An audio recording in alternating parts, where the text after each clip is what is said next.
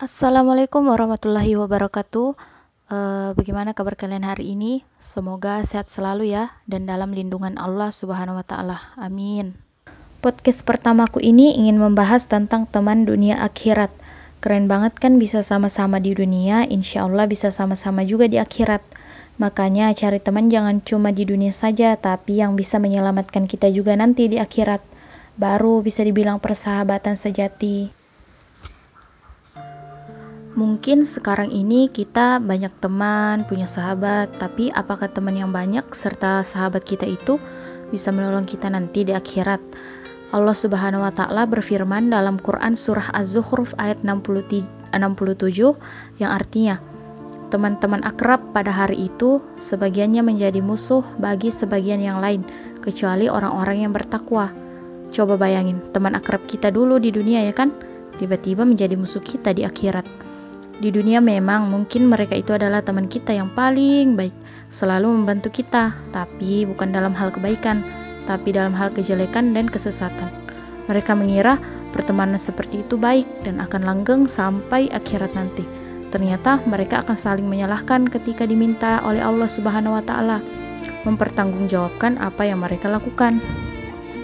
Imam At-Tabari dalam tafsirnya bahwa orang-orang yang saling bersahabat di atas maksiat kepada Allah di dunia, di hari kiamat mereka akan saling bermusuhan satu sama lain dan saling berlepas diri kecuali mereka yang saling bersahabat di atas takwa kepada Allah. Karena itu, kita harus memilih dengan siapa kita bersahabat. Harus jelas latar belakangnya, motivasinya apa, apakah motivasinya itu mengajak kepada kebaikan atau kesesatan. Karena seorang teman akan sangat berpengaruh dalam kehidupan kita. Coba lihat teman kamu yang sekarang Jangan-jangan teman kamu yang sekarang ini justru membuat kamu makin jauh dari Allah. Teman kamu yang sekarang ini lebih sering mengajak kamu untuk melakukan kejelekan dan kemaksiatan daripada kebaikan. Seberapa sering dia ingetin kamu sama Allah? Pernah nggak dia ingetin kamu sholat?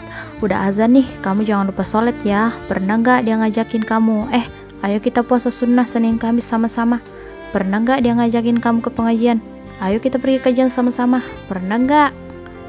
Karena itu, dalam berteman jangan hanya mempertimbangkan kepentingan dunia saja, tapi juga untuk akhirat.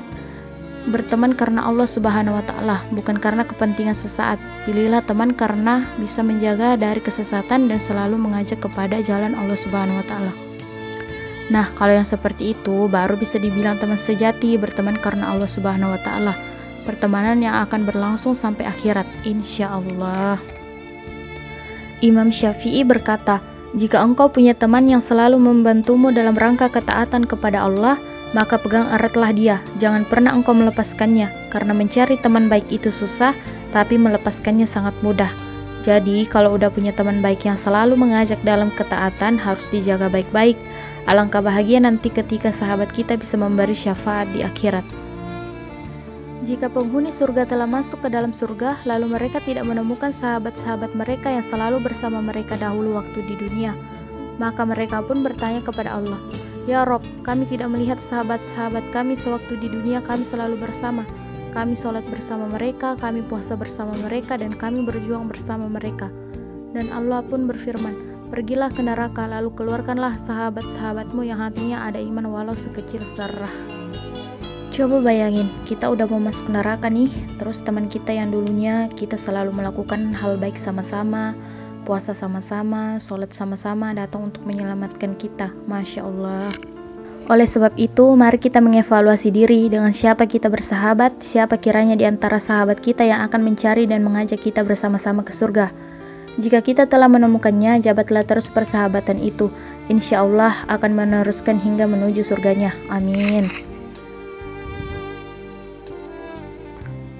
Oke, sekian podcast saya hari ini. Kurang dan lebihnya mohon dimaafkan karena namanya juga manusia ya kan. Tempatnya salah, jadi mohon dimaafkan. Uh, sekian dan terima kasih. Assalamualaikum warahmatullahi wabarakatuh.